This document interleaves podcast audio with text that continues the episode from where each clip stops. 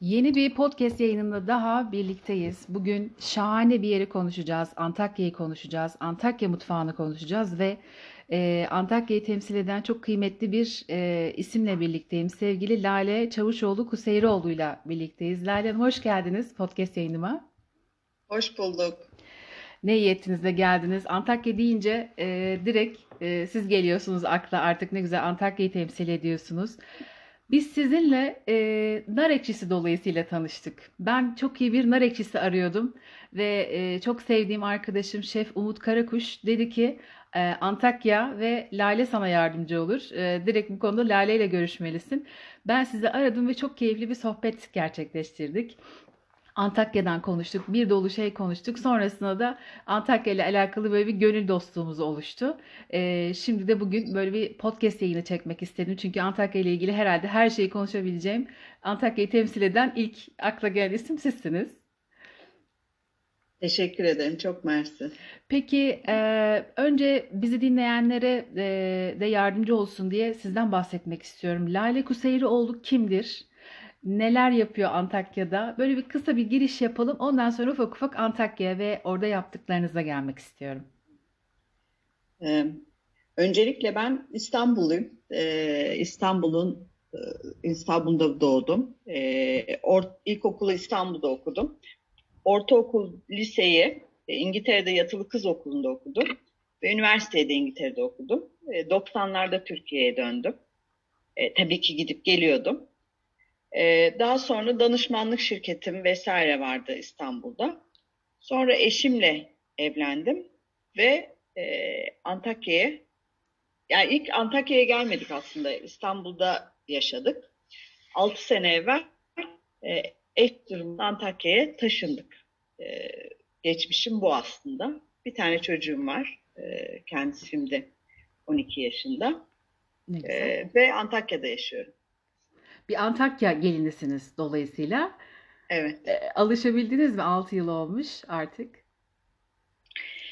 Şimdi Antakya'ya alışabildim mi? Ee, e, yani zor bir soru. Yani burada yaşıyorum ama o kadar yoğunum ve o kadar üretiyorum ki dolayısıyla bir fiil fiziki yaşıyor gibi değilim. Yani e, 24 saat çalışıyorum neredeyse. Dolayısıyla değilim.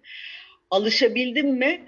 E, elbette ki buranın bu yavaş hayatına veyahut da vizyon suz davranışlarını hayır alışamadım. Hala da hayret içerisinde kalabiliyorum. Hala şaşırtabiliyor bu şehir beni. Hı hı. Detaylarını konuşacağız ama ben şunu sormak istiyorum. Mesela Gaziantep'e gittiğimizde, çarşıyı dolaştığımızda e, Antep falan diye telaffuz ettiğimizde bizi uyarıyorlar. Hayır, Gaziantep diyeceksin diye. Antakya'nın da iki ismi var. Bir Antakya, bir Hatay diyoruz. İşte Hatay sorunundan gelen hani siyasi tarihte. E, Antakya olarak söylemek mi daha mantıklı, Hatay dememizden mi hoşlanıyor oralılar? Şimdi şöyle bir şey var. Buranın eski aileleri ve gerçekten Antakyalı olanlar yani e, misyon edilmiş veya Antakya'ya şey yapanlar Antakya der. Çünkü niye? Antakya asırlardır tanınan bir şehir. Antioş. Yani bütün dünya tanıyor. Bir marka şehir dünyada. Ama Antakya bir Hristiyan şehri diye dünyada biliniyor. O sebepten e, her seferinde ceza alır gibi başka bir isim veya kasaba haline getirilmeye çalışmış. E, onun için gerçek Antakyalı Antakyalıyım der. Ama şehir dışından yani mesela Samandan'dan, Harbiye'den e, veya başka yerden olan e, Hataylıyım der. Zaten oradan ayırt edebilirsiniz. Ama normal şartlarda ben şahsen ve buranın tarihçileri şahsen e, Hatay dediklerini biz düzeltip Antakya diyoruz. Benim de ağzıma niyeyse Antakya daha böyle nüans olarak daha söylemesi keyifli geliyor. O zaman Antakya diye devam ediyoruz. Peki evlendiniz, Antakya'ya gittiniz e, İstanbul'da yaşadıktan sonra. Oraya gittiğinizde Antakya'da size kültürel anlamda farklı gelen, yadırgadığınız veya beğendiğiniz, ya bu da ne güzelmiş buranın adetleri falan dediğiniz şeyler neler oldu? Şimdi Antakya'ya geldiğimde tabii biz e, şu anda kaç sene oldu? 13-14 senedir evliyiz. E, dolayısıyla git gel yapıyordum. E, ama 6 sene evvel buraya taşındım. E, şimdi öncelikle benim en büyük şansım buranın eski e, ve eğitimli e, ve işte 700 senelik bir ailesine gelin geldim. E, onun için anneler o manada çok uzak değildi. Bir de geldiğim aile e, Türkmenistan'dan gelmişler buraya. Şehirliydi. Yani köy kültürü değil, şehir kültürü vardı. Onun için e, ve hatta konak kültürü vardı. O sebepten çok fazla yadırgamadım. Büyük, geniş e, aileler, geniş yaşamlar yani toplu aile şeyi. E ben de geldiğim İstanbul'daki geldiğim aile olarak büyük sofralar, büyük aileler, geniş aileler olarak e, şey geldiğim için. E, sonra geri, yine gelin geldiğim aile buranın ileri gelenleriydi. E ben de İstanbul'un ileri gelen bir ailesinin kızıydım. Dolayısıyla o manada çok çakışmadık. Hatta enteresan tarafı her ne kadar eşimle ben tanışmıyor olmuş olsam da bizim e, gerek e, eşimin anne ailesi gerek baba ailesi bizim aileyle aslında e, Türkiye bazında, politika bazında dostmuşlar. Yani dost meclislerinde yer almışlar ve birbirlerini tanıyorlarmış. Hatta kısmen kimileri çok yakın arkadaşmış. O sebepten ve tabii e, çoğu yurt dışında eğitim almış e, eve, ebeveyn, ebeveynler olsun, kendileri olsun. O sebepten çok o manada aile olarak kültür şok, kültür şoku yaşamadım. Ancak e, buraya yani bir fil tanımaya başlayınca elbette ki çok büyük farklılıklar gördüm. Şu manada gördüm. E, biz yetiştirilirken e, sadece ne kendimizi değil, salt kendimizi değil, e, çevremizi, ülkemizi, e, yaşadığımız şehre nasıl faydalı oluruz diye düşünül, düşündürülerek e, eğitildik, gördük, yaşadık. Bu şehirde ise e, ben ve çekirdek ailem diye bakılıyor.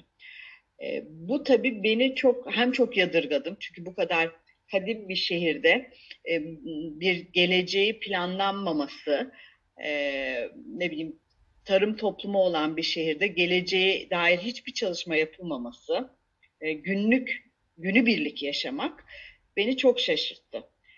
E, tabii ahbap çavuş ilişkisi elbette ki her yerde vardır ama belki burası küçük şehir olduğu için o ahbap çavuş ilişkisi, e, 3-5 insanın kendi ihtiyaçlarını giderip genel şehre bir şey yapmamaları bu, bu da beni çok şaşırttı.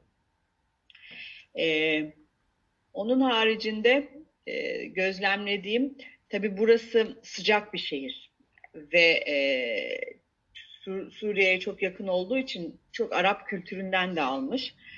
E, o sebepten e, maalesef e, çok tembel bir şehir e, ve bu yani içlerine nüfus etmiş bir şey.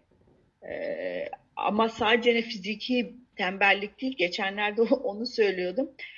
Ee, beynini çalıştırmamak üzere tembel. Beyin tembeli. Ee, hani kime ne, sana ne, niye yapıyorsun, sana ne faydası var gibi bakış açısı. Ee, ve çok basit olan şeyleri yapmamak üzere bir kuram oluyor ve tabii o beni yine şaşırttı. Sizin Ama gibi yandan, üretken biri için değil mi? Biraz zor. Yani sürekli yeni zor. bir şey ve geleceği planlayan, e, önümüzdeki 5 yılı, 10 yılı, belki 50 yılı planlayan ve okuyan, eden, araştıran biri için e, bugünü yaşamak, sadece bugünde kalmak biraz zor. Hiçbir şey yapmamak. Çok zor. Zaten bu yani işin kötü tarafı bu şehir bugünde değil. Bu şehir e, İstanbul'dan 50 sene geri, Türkiye'den 100, e, dünyadan 100 sene geri. Yani onun için bugün değil yaşadığımız zaten. Yani geçmiş yaşanıyor. Şey gibi, dejavu gibi. Biraz tekrar repete ediyorsunuz geçmişinizi. ee, bir de tabii beni çok üzen, hakikaten çok üzen. Hadi geçtim, planlarsın, planlamazsın, kendine göre plan yaparsın. Ama beni çok üzen, aslında Antakya'da yaşayan insanlar Antakya'nın gerçek değerini bilmiyor, tarihçesini bilmiyor. Nasıl bir toprakta yaşadığının farkında değil. Mesela bir Antakya Prensliği var burada, ondan bir haberler. Ee, normal sohbet ettiğinizde evet Antakyalılar dolayısıyla müthiş sahip çıkıyorlar ama neye sahip çıktıklarının çok farkında değiller. Çünkü sahip çıktıklarının çok daha fazlası var. Mucizevi bir şehir, muhteşem bir şehir burası ama yeter ki onu algılamak gerekiyor. Ama beni e, öte yandan da çok şaşırtan ve çok hoşuma giden göç vermemiş bir şehir. Göç vermediği için e, öncelikle e, gastronomisi değişmemiş. Hı hı. Çünkü göç vermemiş. Onun için başka bir şey ilave edilmemiş. Aileler kendi işlerinde aynı ürünleri hazırlamaya devam etmiş. Mesela e, Alanya'dan gelmişlerdi. İşte biz şeyleri araştırıyoruz. E, geçmiş, kaybolmuş yemekleri araştırıyoruz gibi bir konuşma. Şöyle düşündüm. Hayır burada kaybolmuş bir şey yok. Hı hı. Çünkü devam ediyor ve bunu araştırmaya gerek yok. Bunun Yani sebebi şu mu? Ya mesela Efendim? Gaziantep'te ve Kahramanmaraş'ta sanayi çok gelişmiştir ve dolayısıyla e, istihdam sağlıyorlar orada yaşayanlara. İnsanlar büyük şehre göç etmek zorunda kalmıyor. Antakya'da bildiğim kadarıyla sanayi de yok. Neden kalıyor insanlar orada? Niye göç etmiyor? Neyle geçiniyorlar? Buranın enerjisi diye düşünüyorum. Yani e, öyle bir yorum yaparlar ki buraya bir gelen 2, 3, 5 gelir. E, zaten şunu hep sorguluyorum. Yani evet maddi yani buradaki insanlar e, in- işin enteresan tarafı varlıklılar ama burada çok para harcamazlar çünkü yani şehrin içinde yaşarken şehir dışına çıktıklarında para harcarlar ama burada şehrin içinde çok para harcamazlar. Razılar yani gelen gelire de razılar. Gerçi varlıklılar da dediğim gibi. E, tarım buranın en büyük ekonomisi tarım. E, yani evet araziler var. Tabii elbette ki herkesin büyük arazisi yok. E, yurt dışında okusalar bile, İstanbul'a çalışmaya gitseler bile illaki geri geliyorlar. Ama şöyle bağdaştırıyorum ben. Hani bunu sırf ekonomik olaraktan da değil. Hem aile bağları çok güçlü hem de buranın enerjisi diye düşünüyorum.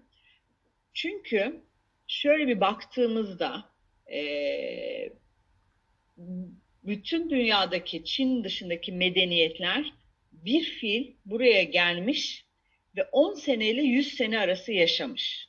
E niye o zaman onlar gelmiş? Demek ki buranın havası, enerjisi bir şey var. Hı hı. Yani şu- biz bu bu olayı bugünkü gördüğümüz şu sokaklardaki e, iptidailikle, pespailikle değerlendirmememiz gerekiyor. E, çok ciddi bir yaşanmışlık var. Demek ki o da e, burada yaşayan insanları geri gelmelerine sebebiyet veriyor diye düşünüyorum. Köklere bağlılık sanırım bahsettiğiniz. Evet, Köklerini bırakmıyor ihtimal. insanlar. Ve işin komik tarafı e, bu sebepten dolayı da aslında gastronomisi de dünyada duyulmuyor. Çünkü göç vermediği için kavim gibi yani gittikleri yerde e, restoranlar açıp onun etrafında toplanmaları gerekmiyor. Hı hı. E, yani Antakyalı kolilerle yaşar. Buradan koliler gidiyor onlara. Aynı yemekleri yiyorlar ama öğrenciyken vesaire. Ama zaten geri döndükleri için e, yani bakarsanız böyle bir restoran camiası busu olmuyor. Böyle bir enteresan. O da beni yani o da benim hoşuma giden. Çünkü anneneler yok olmuyor. Kültür yok olmuyor bu sayede. Hı hı. Garip bir kültür gelmiyor. Elbette ki eskisi gibi değil.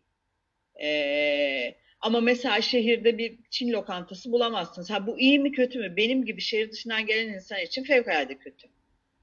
Ama e, buradaki tabii dolayısıyla buradaki restoranlar dışarıya hizmet değil, şehirdekilere hizmet ettiği için de belli bir standartta olmak zorunda.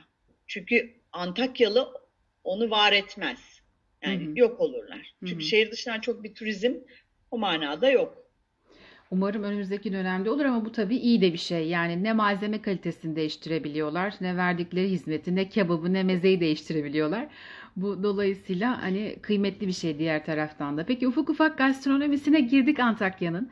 Ee, çok merak ediyorum. İstanbul'daki Antakyalılar hep şey derler. Biz en az 45 çeşitle kahvaltıya otururuz. 45 çeşit olmadan misafir ağırlamayız. Bu abartılı bir söyleyiş? Gerçekten Antakyalılar kahvaltıyı böyle 45 çeşitle mi yapıyorlar? Yani tam sayı adet olarak bilemeyeceğim ama Antakyalı'nın en büyük özelliği sırf kahvaltı değil. Ama her sofrası e, boldur ve uzundur. Çünkü çok ürünü vardır. Ve ürün atmasyon hani bunu bununla yaptım da atmasyon bir üründen ziyade gerçekten çok ürünü vardır. E, onun için e, büyük ihtimal e, doğrudur. Yani bugün kahvaltı sofrası olarak gittiğiniz her yerde %90 hamur işi çıkar. Antakya'da iki yani iki veya üç tane hamur işi vardı. Orada biri biberli ekmeği diyelim, biri katıklısı diyelim mesela. Ee, ama gerisi hep bir mamuldür. Yani ya zeytinle yapılmış bir şeydir ya bir şeydir. Yani hamur işinden ziyade daha fazla e, alternatif ürünler vardır. Hı hı. Şimdi Antakya mutfağı deyince konuşacak o kadar çok şey var ki. Mesela işte mezeler var, kömbe, kaytaz böreği, oruk, çıtır kabak tatlısı, ceviz reçeli, kake değil mi?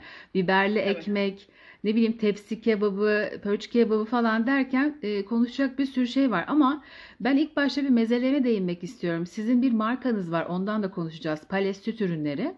E, markanızla Pales'le Meze Festivali'ne de katılıyorsunuz. Antakya deyince benim aklıma ilk gelen şey mezelere. E, humusun bile değil mi? Bir sürü çeşidi var. Yani pastırmalısı var, çam fıstıklısı, tereyağlısı. E, humusun dışında mütebbel, muhammara, kabaklı cercerun, işte acılı zeytin piyazı, abagannuç, sembusek. Şimdi bizi dinleyenlerin ağzı sulanmıştır, acıkacaklar ama bir mezelerden bahsetmek istiyorum. Çünkü orada e, her meze çok güzel olmak zorunda. Aynen demin bahsettiğiniz gibi. Değil mi? Neler yapılıyor orada? Öncelikle şunu söylemek istiyorum. Tabii bugün bugün meze denen şey aslında Antakya'nın normal yemek masasında olan şey. Çünkü Antakya'da nasıl kim keşfetmiş onu bilmiyorum. Asırlar evvelden başlamış muhtemelen. Bir şey bir şeyle yenir. Dolayısıyla yani bizim bugün işte meze dediğimizde illaki içki sofrasına yer aldığını varsaydığımız şey onların günlük sofrasında yer alan şeyler. Yani öncelikle bunu e, netleştirmek istedim. Şimdi tabii burası, e, buranın özelliği çok farklı e, e, şeyler, e, ne denir ona? Mesela Bizanslar da buradaymış, e, diyeyim e, İranlılar da buradaymış, yani Persler buradaymış. Dolayısıyla hepsi, bütün bu kadim topluluklar bir şey bırakmış. E, ve bir şey bırakırken de onun bıraktığını bir sonraki bir şeyle birleştirmiş. Öncelikle hani ona bakmak lazım. Sonra burası tarım bölgesi olduğu için zaten çoğunluk şey burada yetişiyor. Ve ne yapmışlar? Burada yetişen bir şeyi değerlendirmişler, gıdaya çevirmişler. Ee, unutmayalım ki yani, e, özellikle Osmanlı geldikten sonra buraya ve de Cumhuriyet olduktan sonra fakir çok ciddi fakirliklerin yaşandığı bir dönem. Ee, onun için hep buradaki bir şeyi değerlendirmişler. Yani şehir dışından bir şey getirmemişler. Buradaki bir şey. Şimdi mesela siz hayatınızda patlıcan yetiştirdiniz mi bilmiyorum ama ben şahsen Yok. bunu tecrübe edindim. Bizim çiftlikte kayınpederim yeni gelmiştim buraya 6 sene evvel. Patlıcan ekmişler ama ev için yani satış için değil ev için patlıcan ekilmiş. Tabii toplanıyor bir çuval. Ertesi günü bir çuval daha. Ertesi gün bir çuval daha. E ben yedim. Kayınvalidemleri oraya gidip bitmiyor. Ne yaparlarmış? E, tabii her dakika atıyorum karnı yarık yiyecek halleri yok. E, patlıcanı değerlendirmek için farklı farklı ürünlerin içerisine koyarak değerlendirirlermiş. Dolayısıyla bütün yaz boyunca patlıcan yeniyor mesela. Ama sadece patlıcandan oluşan 30 çeşit farklı ürün çıkıyor. Şimdi bu ürün aslında bizim bugün meze dediğimiz ama yemek gibi düşünelim. Yani benim manamda. Nedir? İşte patlıcan ekşilemesi çıkıyor, patlıcan yoğurtlaması çıkıyor, közle, közde patlıcan çıkıyor gibi gibi. Ceviz, burada herkesin kendi evinde ağaç varmış. Yani e, özellikle varlıklı ailelerin. Tabii ne oluyor? Cevizleri topluyorlar. İlla ki mesela dikkatimi çekiyor. Bütün bu tip meze gibi şeylerin içerisinde ceviz var. Ceviz çok kullanılıyor burada. Ama kendi ağaçlarından aldıkları için dışarıdan temin etmiyorlar toplayıp kullanıyorlar gibi gibi. E, bu şeyler bu şekilde türemiş benim gözlemlediğim. E, Biber de çok değil mi? Mesela biberli ekmek salça ile yapılan e, soslu evet. böyle mezeler. Çünkü biber bu bölgede yetişiyor. Hı hı. E, hı hı. Birkaç bölge. Altınözü'nde var. Boşşin'de. Bizim çiftliğimiz Boşşin'de. Boşşin'in biberi meşhur. Altınözü'nün meşhur. E, aynı şekilde Samandağ biberi meşhur. Ama tabii şuna bakmak lazım. Aslında ben de o tarafından bak seviyorum. Yukarıdaki bir vücudun neye ihtiyacı varsa orada yetiştirmesi için imkan sağlıyor. Şimdi burası nasıl bir yer? Nemli, rutubetli, e, bir havası olan bir yer. Dolayısıyla vücudunuzun sağlam kalması için sizin bibere, kimyona vesaire baharatlara ihtiyacınız var. Ve zeytinyağını, burada zeytinyağı da var Hı hı. tabii. Zeytinyağını. Bu şekilde vücudunuz, e, kemikleriniz, vücudunuz sağlam kalıyor. Yani onun için de burada evet biber çok var ve ürün, yemeklerde çok kullanılıyor. Ki ama Antakyalı çok acı yemez. Yani mesela Reyhanlılı daha acı yer. Antakyalı daha az, daha dilini yakmayacak kadar acı yer. Öyle diyeyim mesela. Hı hı. Ee, zaten buraya 15. yüzyılda e, şeyler gelmiş, e, yörükler gelmiş. Baharatları, o Türkmenler o baharatları getirmişler buraya. Ve baharatların e, gıdada kullanımı, şifayı vesaire öğretmişler. Onun için burada çok, tabii baharat yolu burası ayrıca. Yani unutmayalım Hı hı, ki baharat hı. Onun için çok ciddi baharat da kullanılıyor burada. O onu dengeliyor. Hı hı. Onun hiçbir yemek çok ağır olmuyor. Mesela Antep'te sumak e, katarlar beyranın içine ki kolesterol dengelesin falan diye. Dolayısıyla aslında geçmişten gelen kadim bilgiler değil mi? Birleşiyor bir Tabii. noktada. Tabii burada zaten kaybolmamış o kadim bilgiler. Yani Hı hı. burada e, belki üstüne ilave edilmiş ama hiçbir zaman kaybolmamış. Dediğim gibi e, burada şöyle bir terim var çok gülerim. Ne yiyecek ne içecek derler. Yani 24 saat yemek konuşulur. Sabah kahvaltısında öğlen ne yiyecekleri, öğlen yemeğinde öğlen vakti akşam ne yiyecekleri konuşulur. E, ve yani hayat yemek üzerine kuruludur. Uzun sofralar olsun, devamlı yensin üzerine kuruludur. Keyif üzerine kurulu bir yaşam var o zaman. Ha, yaşamdan yemek üzerinden keyif alma Tabii. E diyebiliriz. zaten mozaiklere de baktığınızda eski Roma İmparatorluğu'nda yine burası zengin bir şehir. Yine hep yemekler, hep ziyafetler var. Ee, hep keyif, keyif. Zaten tarihte de yazdığında mesela tayinatta kazılarda buluyorlar. He- Hepsinde bulunan şey zengin şehir, keyif şehri, sanat şehri burası. hı, hı hı. Hep bu şekilde Çok değerlendiriliyor. çok kıymetli müzeleriniz var zaten. Antakya'ya gitmeyi düşünenler olursa e, değil mi? Çok e, gezilecek de çok farklı yerler var ama biz bugün gastronomiden konuşacağız. İnşallah başka bir günde yine tarihinden, müzelerinden konuşuruz. Antakya deyince bir de tabii pöç kasabı geliyor akla, kebaplar geliyor. Tepsi kebabı, kağıt kebabı. E, ne çeşit kebapları var? Bunlar nasıl yapılıyor? Antakyalı aslında hangisini yer? Şimdi şöyle söyleyeyim öncelikle Antakya aslında kebap şehri değil. Kebap yani e, insan yani e, normal menülerin içerisinde kebap yok. Kebap kasapların yaptığı bir şeymiş. Yani geçmişle bağdaştırarak konuşuyorum. Ve velev ki evde bir şey yapacaklar. Dolayısıyla yani e, Adana gibi, e, Antep gibi kebap kültürü Antakya'da o manada yok. Sadece kasaplarda olan bir şey o. E, buranın en önemli şeyi e, tepsi kebabı. Ama tepsi kebabı da hani bildiğimiz kebaptan ziyade sebze ağırlıklı. Yani sebze derken maydanoz, soğan, biber ağırlıklı beraber basılan bir şey. E, çoğunluk burada dana yer. Ve buranın kasapları da e, ithal et kesmez. Lokal et keser. Enteresan bir e, ve dişi et kesmez. Erkek et keserler. Onun için de daha lezzetlidir.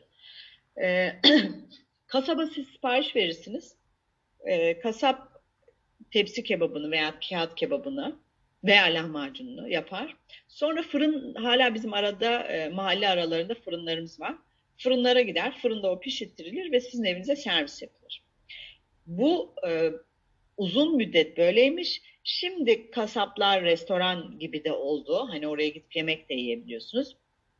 Veya bir fil e, kıyma kebabı yapan 2-3 tane de kebapçı oluştu.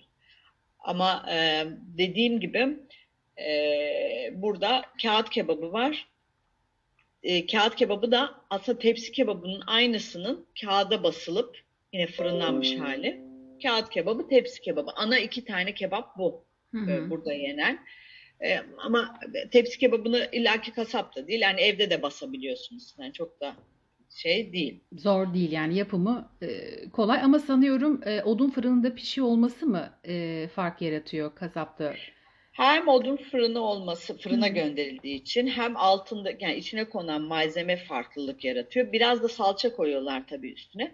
Bir de şunu unutmamak lazım. Onu da dile getirmek istiyorum. Şimdi Antakya'da mutfağın çok ağır olmamasını ve çok yiyebilmenizin en büyük sebebi her ne kadar 2-3 tanesi farklı yapsa da %90 e, kuyruk yağı burada kullanılmaz. Hmm. E, yani çok yağlı değildir. Kaburgadan yaparlar ama e, o manada yağ kullanılmaz. O sebepten de bir de tabii e, normalde dana eti olduğu için e, rahatsız mideniz rahatsız olmaz. Fazla yağlı değildir. E, sizi tıkamaz. E, yani bir sürü insana koyun dokunabiliyor. Böyle bir reaksiyon almazsınız. Hı hı. Buranın özelliği var. E, Oruk da mesela e, sizin oranın yine Antakya'nın lezzetlerinden. Oruk'ta da mı yine dana eti kullanılıyor aynı şekilde? Tabii tabii. Yani koyun Onlarda çok da. fazla yani istisnai şeyler haricinde de ağırlık danadır burada. Koyun yoktu. Çünkü buranın koyunu kokar yani. Onun için çok sevmezler insanlar koyun. Hı hı. E, buranın koyun cinsi e, kuyruğu uzun olandan olduğu için çok fazla sevmezler. Hı hı. E, şimdi oruk tabii şöyle.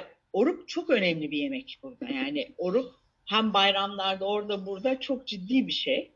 E, ancak çok da hep Instagram sayfamdan da o böyle bir yorumlar geliyor. Buranın orijinal oruğu yani Antakya'nın Antakyalıların yediği orijinal oruğu e, cevizle kıyma kıyma, soğan, ceviz dışı da dövülmüş biberle yapılan bir şeydir. Ay, e, dö- dövülmüş etle yapılan bir şeydir. Tabii ki bulguru vesaire Bulgurla var. Birlikte. Onu hani devam etmiyorum. Sadece ne şeyini. Ancak Harbiye, Samandağ vesaire ceviz değil fesleğen koyar içine. Ee, sebep nedir bilmiyorum. Ve hiç de cevizlisini yememiş olabilirler ve bu hususta iddialı olabilirler. Ama Antakya'nın özü, öncelikle onu söyleyeyim. Zaten oruk oymaktan geliyor. Hı hı. Şimdi bu bir tane yani cevizlidir esas orijinali ama işte dediğim gibi ötekiler. Yani bunlardan biliyorum. Benim eşimin halası 90 yaşında e, ve e, evlendiğinde ahçısı çeyizi olarak gelmiş. Dolayısıyla yani anne evinde de öyle, anne evinde de öyle, anne evinde de öyle. Yani takribi birkaç yüz senelik bir ailede hep cevizli yapıldığını biliyorum. Hani Hı hı. onu demek istiyorum. Hı hı. Ha ama ondan e, Hristiyanlar e, bayram zamanlarında oruğu etsiz yaparlar. Onların et yemedikleri Evet. bayram zamanında. İçerisine ben şimdi vegan oruk diyorum ama bu ben yaratmadım yani. Bu vardı zaten. İşte içine onlar normalde soğan ve ceviz koyarlar. Ee, işte bazısı farklı sebze koy, koydurtturur. Ama dönüp baktığımızda, yine araştırdığımızda Manastır e, Gastronomisi diye bir kitap var. E, Bizim Kenan Bey var. E, o bana yolladı. E, Sara diye bir şey var manastırda. E, Sara e, mantarlı oruk yapıyor. Hı hı. Yani eski çağlarda Mardin'deki bir manastırda mantarlı oruk yapıyor. Yani bu yeni bir şey değil. Hı hı. Ee, pirinçlisi var yani orun bir sürü çeşidi var. 7-8 çeşidi var. Pirinçlisi var, osu var, busu var.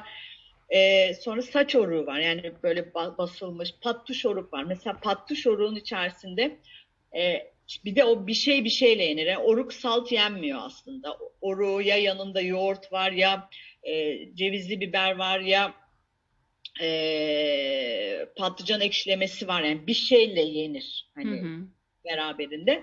Ama mesela ekşi aşı çorbası var ki hiç içtiniz mi bilmiyorum. Hay- herhalde hayatımda yediğim en muhteşem şey olduğunu düşünüyorum. Çorba değil aslında. Ekşi diyelim çünkü çorba demek hakaret etmektir. Hı hı.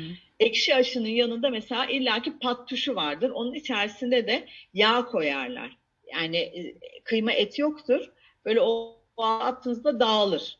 O da böyle işte şey şeklinde e, avuç içi şeklinde yapılır. Hani dediğim gibi her şey bir şeyle yenir. Bu ekşi aşını da size anlatmak isterim. Ekşi aşının öyle de şu. Ekşi aşı yine minik oruklar yapılır. Hı hı. Onlar içerisine çorbanın atılır. E, ama içerisinde domates, ama tek domates e, haşlanır ve blenderdan geçirilir. Yani kabuksuz blenderdan geçirilir.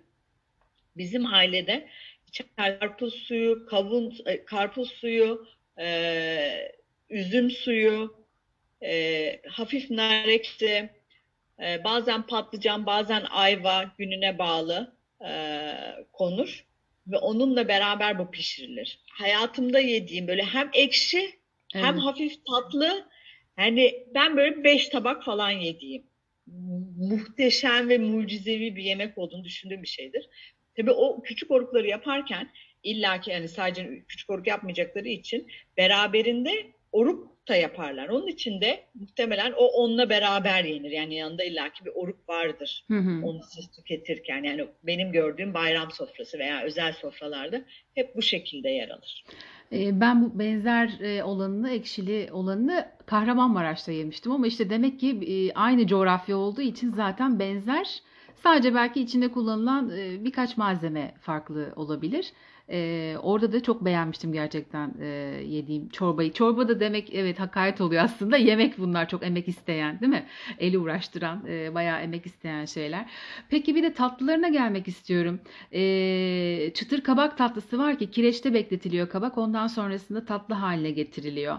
E, kömbesi var, e, kakesi var ama asıl e, İstanbul'dakiler tarafından da çok bilinen künefesi var. E, künefe de ayrı bir hikaye ve ustalık gerektiriyor, değil mi? Evet, künefe şimdi şöyle şöyle bir durum var. Künefe de hem basmak için ustalık gerektiriyor ama künefenin en önemli şeyi aslında peyniri ve tereyağı. Bugünkü sıkıntımız şu. Şehirdeki restoranlar dahil peynire hakim olmadıkları için yani isteseler bile künefelik peyniri e, muhafaza edemedikleri için veya pahalı olduğu için. Çünkü gerçek gerçek peynir alıyorsanız pahalı. Yani pahalı değil, olması gerektiği rakam ama insanlar pahalı varsayıyor. O sebepten maalesef gerçek künefeyi pek fazla tüketilemiyor. Ama gerçek künefe yediğinizde bambaşka bir mucize. Çünkü künefelik peyniri öncelikle peynirle başlamak gerekiyor. Çünkü o bir peynir tatlısı, kadayıf tatlısı değil yani. Bir peynir, yani ağırlığı peynir olan bir şey. Bu peynir tuzsuz bir peynir ve e, e, sünebilme durumu var. Yani birazcık e, mozzarella hamuru bile değil. Yani peyniri basıyorsunuz ve o kadar. Yani başka hiçbir işlemden geçmiyor. Ne kaynatılıyor ne bir şey. Çiğ bir peynir. E, ve tuz da yok. Yani hiçbir şey yok. Onun için bunun raf ömrü çok kısa. Onu çok iyi muhafaza etmeniz lazım ki yoksa 3 gün içerisinde ekşiyor peynir. Bu bir. İkincisi tereyağı çok önemli. Gerçek tereyağı kullanılması çok önemli. Ee, üstüne de konan e, künefelik kadayıfın kalın olması gerekiyor. Şimdi insanlar sanayi tipi incecik. Halbuki hayır. Onlar kalın olacak ve makineyle değil elle doğranıp Hı hı. konması gerekiyor. Ve bu bası, yani basıldığında iyi basıldığında o böyle ana şey peynir üstünde birazcık da kadayıf var gibi düşünün. Yani bir, onu tutması için olan muhteşem bir lezzet. Ama dediğim gibi e, çok uzun çarşıda vesaire. Ama mamafi ben şimdi e, uzun zamandır benim hayalimdi bu künefeyi yapabilmek. Çünkü ben kendim zaten peynirin tereyağını ürettiğim için hani kendi kontrolümün altında e, hani öyle mi yapayım böyle mi yapayım derken e, bu sene ilk defa şöyle bir şey yaptım. Burada e, biliyorsunuz buradaki restoranlara, e, esnafa vesaire destek veriyorum. Özellikle bu pandemi döneminde. Yine burada e, küçük bir e, 6 kişilik restoran açmış olan bir e, şef arkadaşımıza e, ki onlar şu anda onlar böyle ev yemeği gibi yapıp evlere yolluyor. Ona peynirin tereyağını veriyorum. Kadayıfın uzun çarşıdan satın alıp veriyorum. E, ve ona künefeleri bastırtıyorum. Yarım pişirtiyorum. Yani Hı hı. önlü arkalı yarım pişiyor. Dolayısıyla seal ediyor şeyi. E, yani künefenin peynirini bozulmasını durduruyor. E, ve onları işte e, yolluyoruz artık sipariş üzerine. Evde de sanki normal künefe yapar gibi çünkü künefe takribi bir yarım saat 45 dakikada pişen bir şeydir. E, on, her tarafı 10 dakika olmak üzere 20 dakika pişiriyor ocağın üzerinde ve sıcak şerbet döküyor. İlk defa kayınvalidemden onay aldım. Yani evdeki gibi diye şey çünkü mis gibi tereyağı ve mis gibi bir peynir tadı geliyor. Yani gerçek peynir tadı.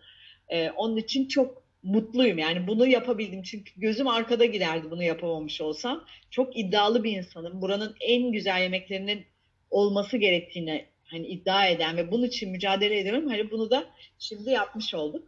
Şahane. Künefe haricinde bir de burada şey var tabii. E, peynirli e, helva var. Yani bu da çok önemli şeylerden bir tanesi. Hı hı. Ama biz genelde künefeyi hani duyuyoruz tabii İstanbul'daki lokantalarda, Antep e, restoranlarında bile künefe hep ön plana Ama çıkıyor. hepsi çakma. E, tabii tabii. Maalesef. Yani muhtemelen e, Antakya çarşıda da hani İstanbul'da veya diğer illerde de zaten bahsettiğiniz şekilde tereyağıyla veya peynirle yapmak mümkün değil. Çünkü maliyetleri çok arttırdığı için ve e, günün sonunda ticaret yaptıkları için oradan daha fazla kâr etmeleri gerekiyor. Muhtemelen en uygun malzemeyle en şeyi çıkartıyorlar bizim önümüze. Biz de gerçek künefeyi yememiş oluyoruz aslında Antakya'da e, Tabii. yemeyince. Peki nar deyince de sizin oralar tabii hep nar bahçeleriyle dolu. E, narın pek çok çeşidi var. Yani Türkiye genelinde ne bileyim deve dişi var, Hicaz narı var, çalı narı var, lüffeni var. E, sizin orada bildiğim kadarıyla daha böyle mayhoş, çekirdeği daha yumuşak olan katırbaşı e, yetişiyor ve oranın yani o cinsin nar ekşisi daha makbul. Yanlış biliyorsam düzeltin.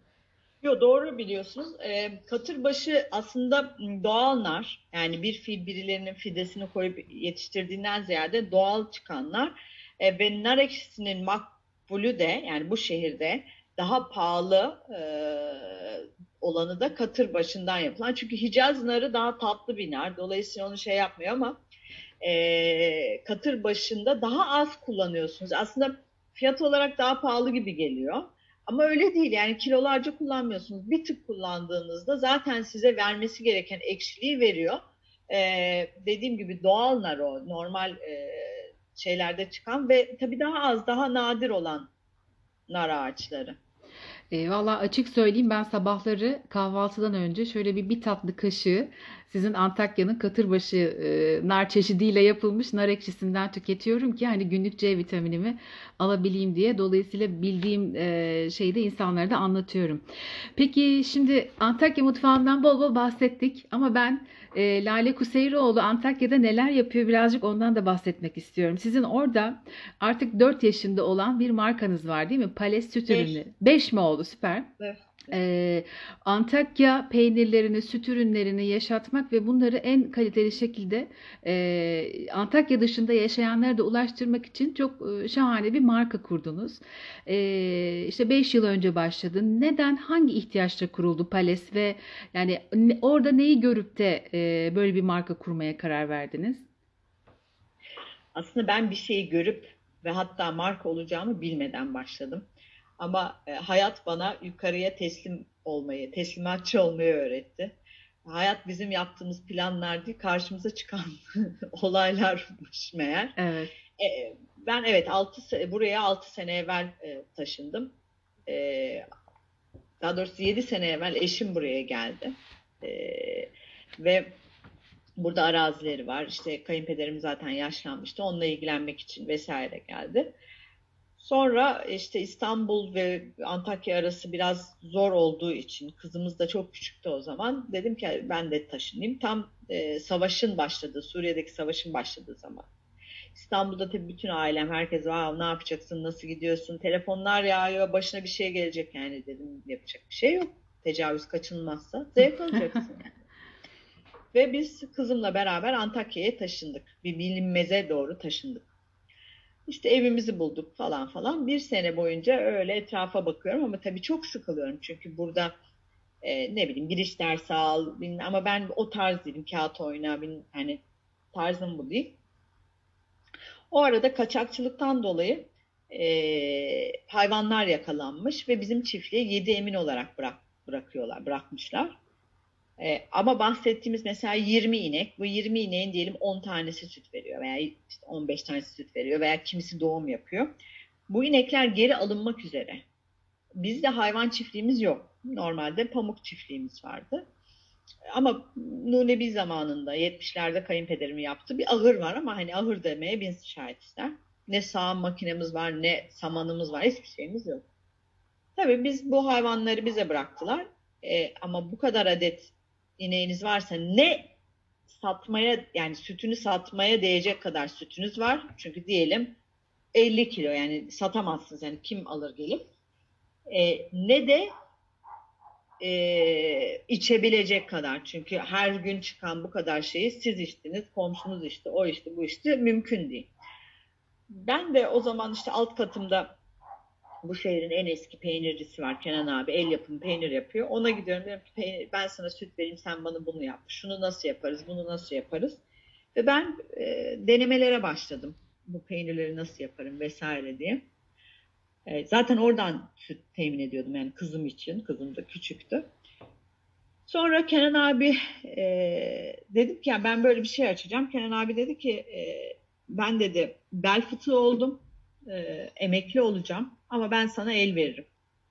Bu iş böyle olmaz dedim. Bu sefer gittim üniversitedeki bölüm başkanına.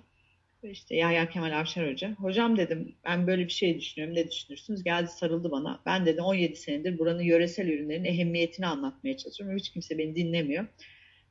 Ee, çok doğru bir şey. Ben işte ondan gıda güvenliği ile ilgili danışmanlık aldım. Sonra metroya gittim. Ama daha üretimim yok yani. Metroya gittim. Metroda bugün TİGEM'in başında olan Ayşin Hanım vardı. Satın almanın başında. Dedim ki ben bu peynirleri üreteceğim. Siz de coğrafi işaretlenmeli ürünlere destek veriyorsunuz. Şu anda coğrafi işaretlenmeleri yok ama bunlar alınması gerekiyor zaten. Bunları size satabilir miyim? Tatlarına baktılar. Tamam işte konuştuk vesaire vesaire. Onları da pazarladım ama daha üretimim yok. Üretime bir sene sonra geçtim. Çünkü o arada kayınpederim vefat etti o bu. O arada hayvanları e, yedi emin olarak almıştık. Onların hepsini iade ettik. Ama eşim hoşuna gitti bu hayvancılık meselesi. Çünkü kış ayında genelde çiftlikte kimse durmuyor. Ekim yapmış oluyorsunuz. Bu vesileyle birileri de durdu. Yani onlara da istihdam sağlayacağız diye. İşte eşim hayvanları aldı. İlk başında 250 kilo süt işlemeye başladık. Ve e, ben peynirciliğe başladım. Kenan abi el verdi bize.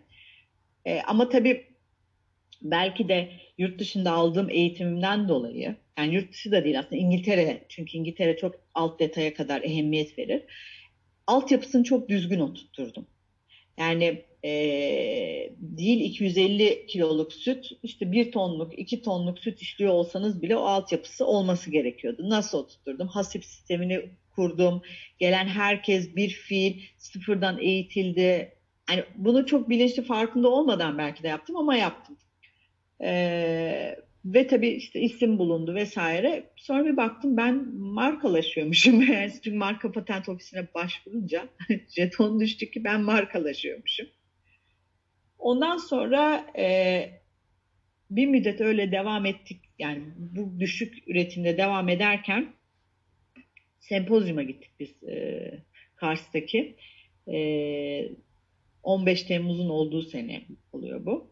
Ve orada tabii bütün gazeteciler herkesle tanıştık. Evet ben küçük üreticiydim ama bilgili bir üreticiydim. Ee, işte hepsiyle ahbap olduk. Bir de 15 Temmuz olunca ben zaten dışa dönüyorum.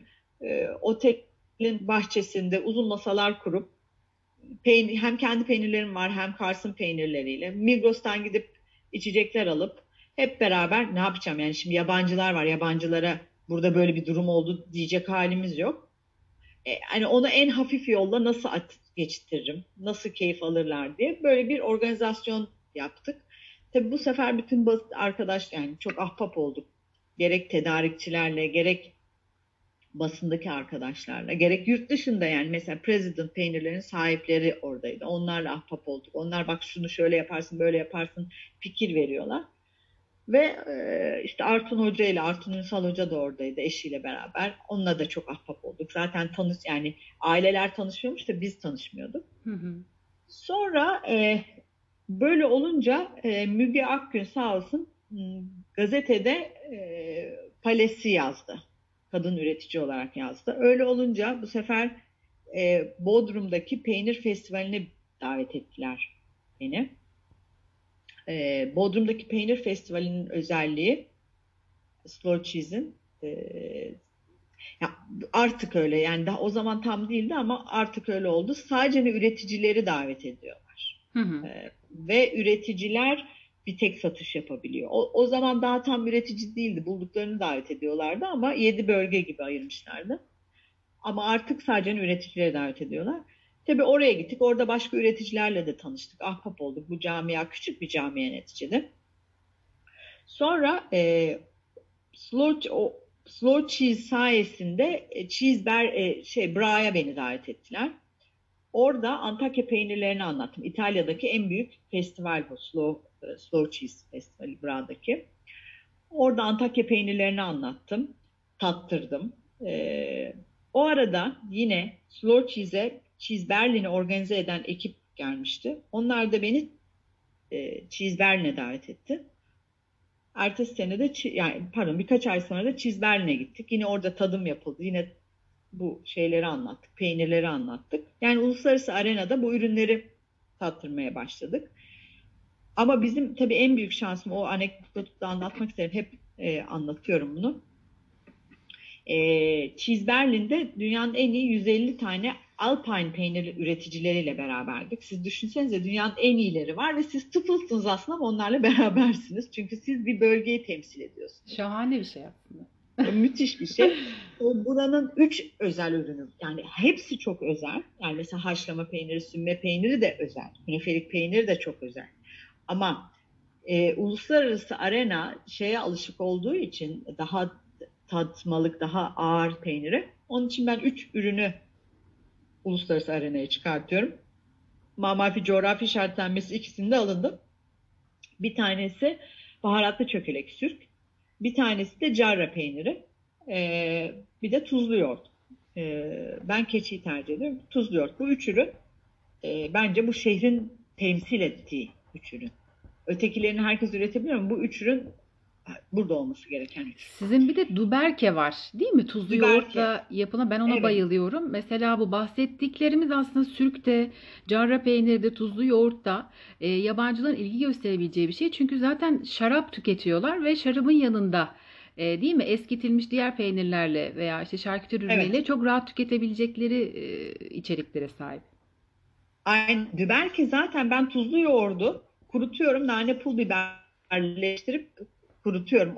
Yani aslında tuzlu yoğurt kuruttum. Yani onun için siz şey yapıyorsunuz. Düberke de Arap, Arapça da değil. Buradaki Arapça konuşan insanlar tuzlu yoğurdu düberke diyor. Ama yani mesela bir Lübnan'da ne manaya geldiğini bilmiyorlar yani düberkenin bu arada. Neyse biz şeydeyiz eee, Berlin'de işte masalara oturacağız. Eee, eşim daha evvel göz aşinalığı olduğu e, İtalya'da göz aşinalığı olduğu bir ekip var. Onlarla karşılaştı. İşte hep beraber oturduk falan. Sonra e, biz Gamze İnceli'mize geldi. Dedi ki ya sen bunları nereden tanıyorsun? Tanımıyorum ben dedim. Yani işte eşim göz aşina. Ya bunlar dedi bu buranın esas yani lobicileri vesairesi bu insanlar dedi. Yani çok güçlü bir masada oturuyormuşuz meğerse. Ama biz yani normal ahbaplık ediyoruz ödül alan peynircilerle vesaire oturuyormuşuz. Orada tabii herkes acıktı. Konuşmalar devam ediyor. Söylenip duruyorlar. Dedim ne söylenip duruyorsunuz? Ben size şimdi getireyim. Tuzlu yoğurt getirdim. Üstüne nane pul biber koydum. Keçi tuzlu yoğurdum. Grisin de vardı yanında. Ee, ve tadına bakan dediler. Yani biz hayatımızda böyle bir şey yemedik. Nasıl bir şey bu? Biz keçiyle ilgili her şeyi bildiğimizi biliyor, sanıyorduk. Peynirle ilgili her şeyi bildiğimizi sanıyorduk. Yani nasıl bir lezzet ki bu? Böyle bir şey hani hiç şey yapmadım ki bunları söyleyen İsviçreliler ve küstahlar biliyorsunuz. Evet.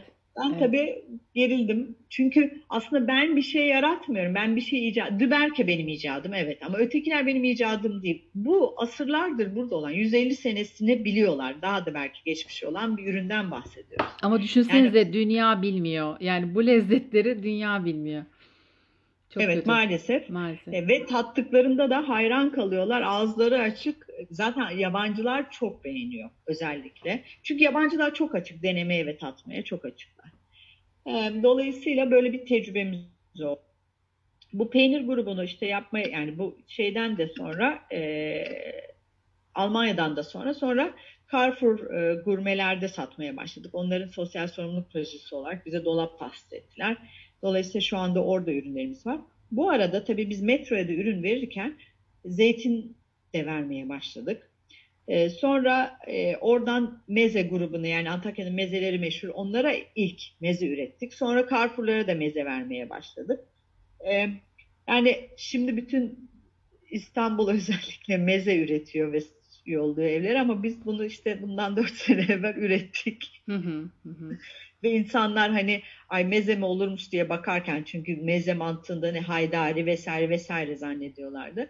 Ben kayınvalidemin reçetesinin bir fil uygulamasını yaptım. Dolayısıyla mesela muammaramda benim kullandığım ceviz oranı çok yüksek. Ee, işte gibi gibi. Yani hiçbir şeyin kendi evimde tüketeceğim her şeyi üretip pakete soktum. Ha belki çok tüccar zihniyetli değilim. Ee, çünkü içerisine zeytinyağı dışında bir şey kullanmıyorum. İşte en kalitelisini kullanıyorum ama o da benim zevkim olsun diyorum. Yani e, 1 lira 2 lira çok ehemmiyetli olmadığını düşünüyorum. Bilmiyorum. İleride göreceğiz.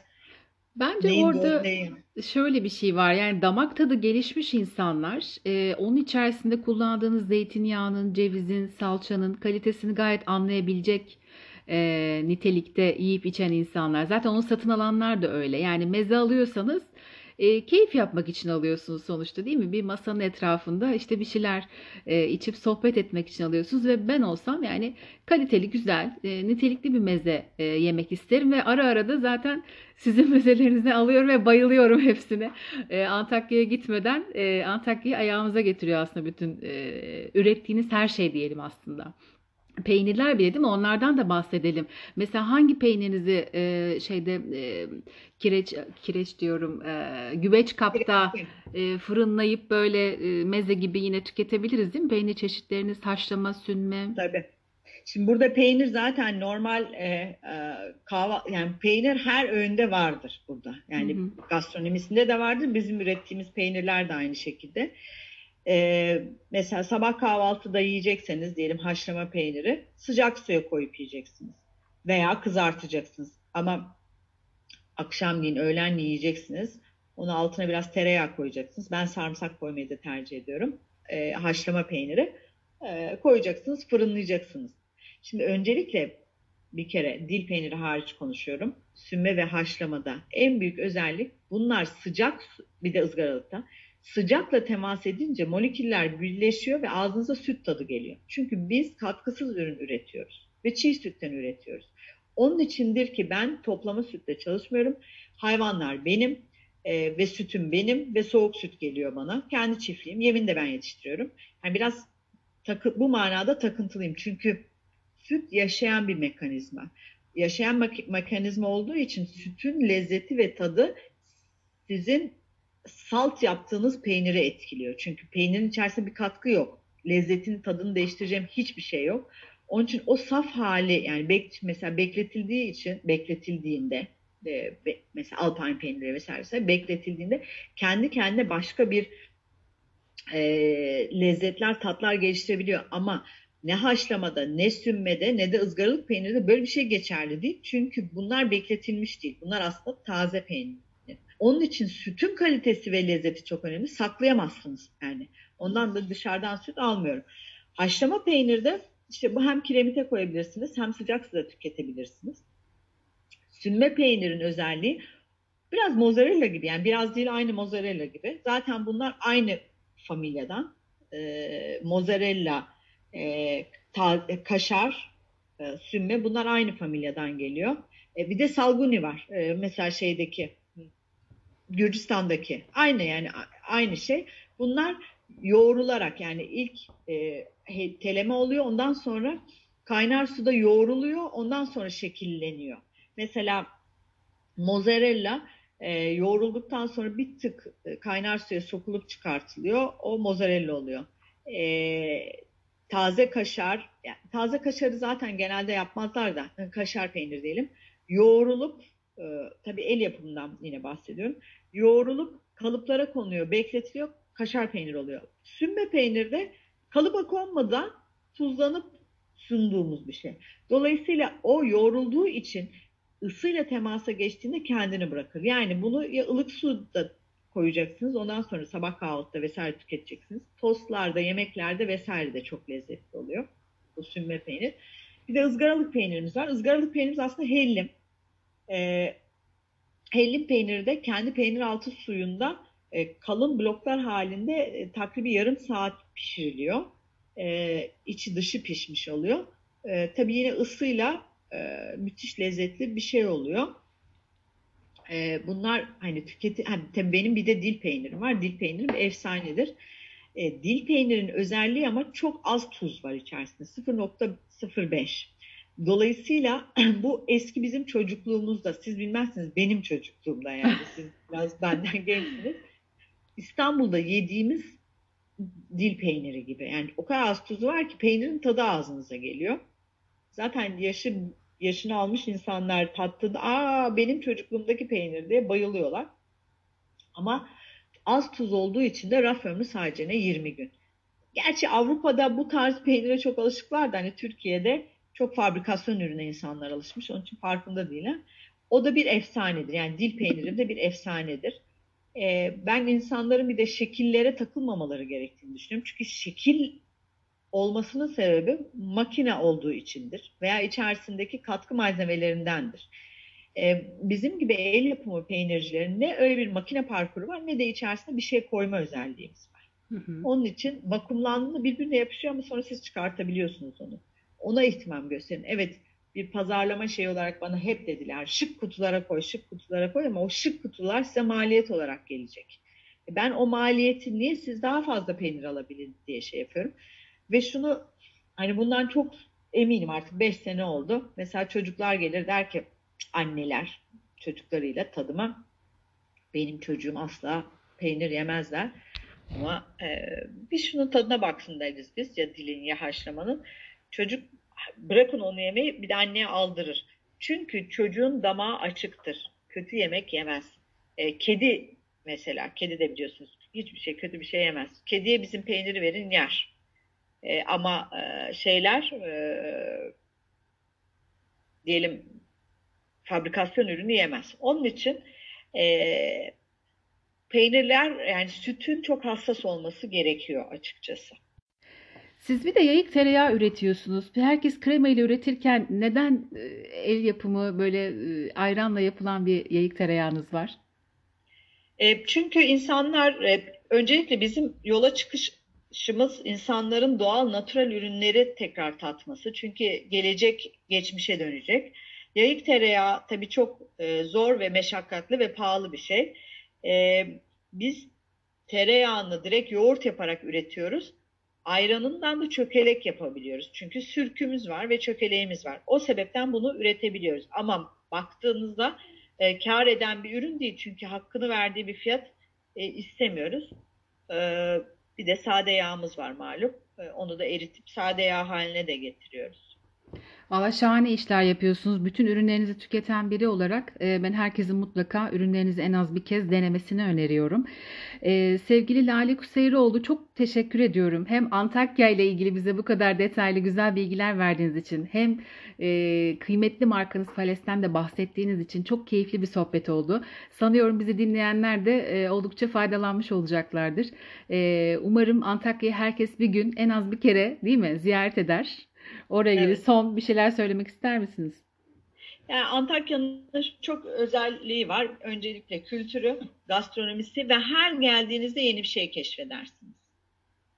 Ne güzel. O Onun zaman hepinizi bekliyoruz. o zaman herkesi Antakya'ya davet ediyoruz değil mi? Antakya'yı bir kez ziyaret etsinler. Çok teşekkür ediyorum. Çok keyifli bir sohbetti. Ağzınıza sağlık. Teşekkür ederim. Çok. Görüşmek üzere.